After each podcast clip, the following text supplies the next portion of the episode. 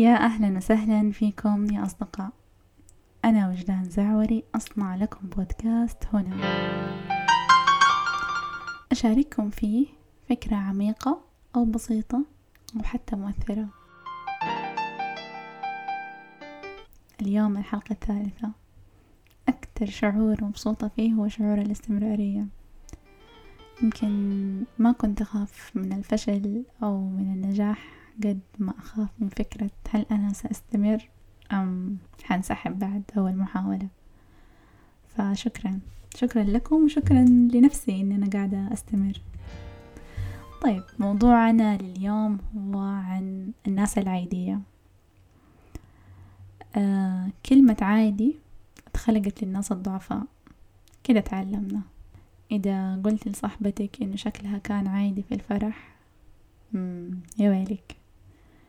وإذا مديرك قالك إنه أدائك الوظيفي هذا الشهر كان عادي حتقوم القيامة عندك. كثير مننا وأنا منهم كنت أشوف إنه هذه الكلمة إهانة. إهانة إنك تكون عادي وتشبه كل الناس. إهانة إنه يكون مستواك المادي عادي وشكلك عادي وبيتك عادي سيارتك عادية. إهانة إني أكون زي كل الناس. لما صحيت يوم من الأيام واكتشفت حاجة حشارككم إياها خلال هذا البودكاست. آه طيب إيش الفكرة اللي أبغى أطرحها في هذه الحلقة؟ إذا كلنا نبغى نكون فوق المتوسط كلنا ما نبغى نكون عاديين. المدرسة تعلمنا إنه ما نكون عاديين. والأفلام والمسلسلات أوه والأمهات هذا كلام تاني. أكتر شيء يرعب الأمهات إنه يكونوا أطفالهم عاديين. طيب لما نبغى نكون مو عاديين إيش حنسوي؟ بكل بساطة حنبدأ بممارسة حيل صغيرة حتى نجد طريقة لنفخر بأنفسنا. الحيلة هذه بكل بساطة إنه نحن نقلل من شأن الآخرين. حتى إذا جينا وقارنا أنفسنا بالآخرين نحس بالرضا. طيب في دراسة قالت خلونا نشوف معدل النرجسية عند طلاب الجامعات في السنوات الأخيرة وجدوا إنهم كلهم عندهم روح المنافسة للحصول على درجات عالية وإنه نسبة النرجسية في التفوق قاعدة تزيد العشر سنوات الأخيرة. خلوني أكون صريحة أكثر. يمكن هذا الكلام للنساء.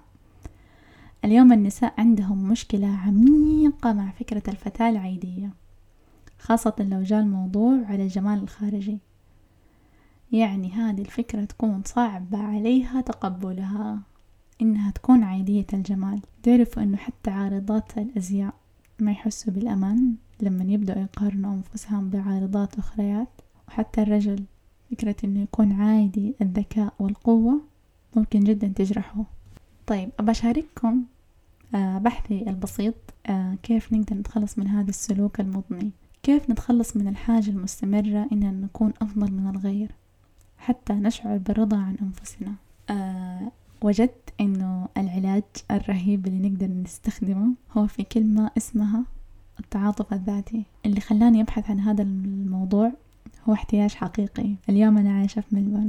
الحظر بسبب كورونا اليوم أمتد لأكثر من ستة شهور. ستة شهور ونحن في عزلة حقيقية والوضع حيمتد يعني الظاهر إلى نهاية السنة. فاتصلت مرة علي صاحبتي فقعدنا نتكلم وقاعدة أشتكي لها من قسوة هذه الأيام علي. فكان ردها جدا بارد وكان تفاعلها مع مشاعري جدا مؤلم. ما تفاعلت أساسا. فحسيت وقتها بالحزن إنه ما في أحد حاسس بألمي. فبحثت في النت ولقيت هذا المفهوم مفهوم التعاطف الذاتي. يعني بالضبط ما ينفع ولدك يكون دوبه مجروح من براد الشاهي اللي قلت له لا تمسكه ولما يمسكه تقول له تستاهل أنا ما قلت لك. طيب يا أصدقائي التعاطف الذاتي ليس وسيلة أنكم تقدروا ذواتكم تقدير إيجابي. لا التعاطف الذاتي هو وسيلة أن نتعامل مع أنفسنا برفق نقبل نفسنا كما هي تعرف أنه نحن أوقات كثيرة نقول كلمات لأنفسنا سيئة أكثر من سوء الكلمات اللي نقولها للناس اللي ما نحبهم طيب إيش أول الخطوات؟ أول خطوة إننا نعترف إنه قاعدين نعاني عشان نعرف نتعاطف مع أنفسنا طيب ليش في فكرة عند أغلب الناس وهي النقد الذاتي؟ ليش كذا الناس مهووسة بفكرة النقد الذاتي اللي حيخلينا نتطور ونتحضر؟ أول حاجة مرجعيتنا الدينية. أوه تدعم هذا الشيء. فعندنا النفس اللوامة والنفس الأمارة بالسوء وإلى آخره. الحقيقة إن نقدنا لأنفسنا ما راح يحفزنا على العمل والإنجاز. نظام الرعاية عند البشر والثدييات نظام قوي جدا. نولد غير ناضجين بحيث من إحنا رضع نفضل البقاء بجانب أمهاتنا. حتى نشعر بالأمان. أجسامنا معدة أنها تستجيب للدفء واللمسات الحنونة والأصوات الرقيقة. لما نتعاطف مع أنفسنا نحن نخفض مستوى الكورتيزون ونحفز المهدئات الطبيعية الهرمونات اللي تشعرنا بالسعادة والأمان. هنا يخليني أفتكر حاجة. أول ما جتنا علوم الطاقة الإيجابية كنت وقتها تقريبا في المراهقة. وانتشرت فكرة إنه لو أحد ما أعطاك الحب والحنان والأمان أعطيه لنفسك. من باب يعني إنك تعوض نفسك بنفسك. بس اليوم الفكرة اختلفت تماما. اختلفت بحيث إنك حتى لو عندك الدعم اللي تبغاه برضو لازم تتعلم تعطي نفسك سواء كان في أحد يعطيك أو لا. ستاندرد هذه الأيام هو أنك لو كنت عادي حتكون فاشل. صرنا ندفع بعض لأن نكون كاملين بشكل مجنون.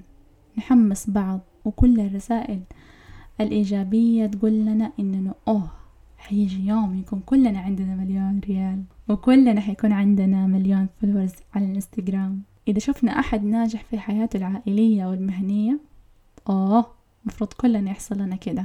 طب فين الناس العادية اللي عاشوا حياة بسيطة؟ فينهم؟ طلعوا لي إياهم اليوم. آه مو كلنا لازم نحقق نجاح باهر ولا كلنا لازم نخترع شي رهيب. آه دحين بعضكم حيقول okay. لو ما كنت مميز إيش الهدف من الحياة؟ طيب أنا برد عليك سؤال تاني. وهل الهدف من الحياة هو المنافسة؟ أنا مو قاعدة أروج لفكرة إننا ما نتبع حلمنا ولا قاعدة أروج لفكرة إنك تجلس على نتفليكس 24 ساعة. اللي قاعدة أقوله إنه نكون أفضل نسخة من نفسنا ونقبل الواقع زي ما هو. مو عيب إنه نحن نكون ناس عاديين أو مو خطأ إنه نحن نكون ناس عاديين. إنك تكون عادي يعني إن أنت تصحى كل يوم وعندك مليون شي عادي تقدر تسويه بس لو كنت إنسان مو عادي آه حتكون عندك أشياء قليلة جدا إنك أنت تسويها. فاستمتعوا بكونكم ناس عاديين. أحب أكون عادية أحب أكون بسيطة وأحب الناس اللي تسمعني تكون سعيدة بهذا الشيء. طيب يا أصدقاء آه، في نهاية هذه الحلقة أحب أقول لكم إنه الحياة فيها توازن. توازن كبير. زي ما راح يكون على مدى التاريخ. في ناس مميزين ناس اخترعوا لنا الذرة واخترعوا لنا مو اخترعوا لنا اكتشفوا لنا الذرة واكتشفوا لنا الطب واكتشفوا لنا الجراحة. في ناس عاديين ناس عاديين جدا. بنوا لنا بيوتنا وزرعوا لنا أكلنا وعلمونا القراءة والكتابة وحمونا من الإعداء. فشكرا للناس العاديين شكرا للناس المميزين. هذا كل اللي عندي لليوم. أحبكم. في أمان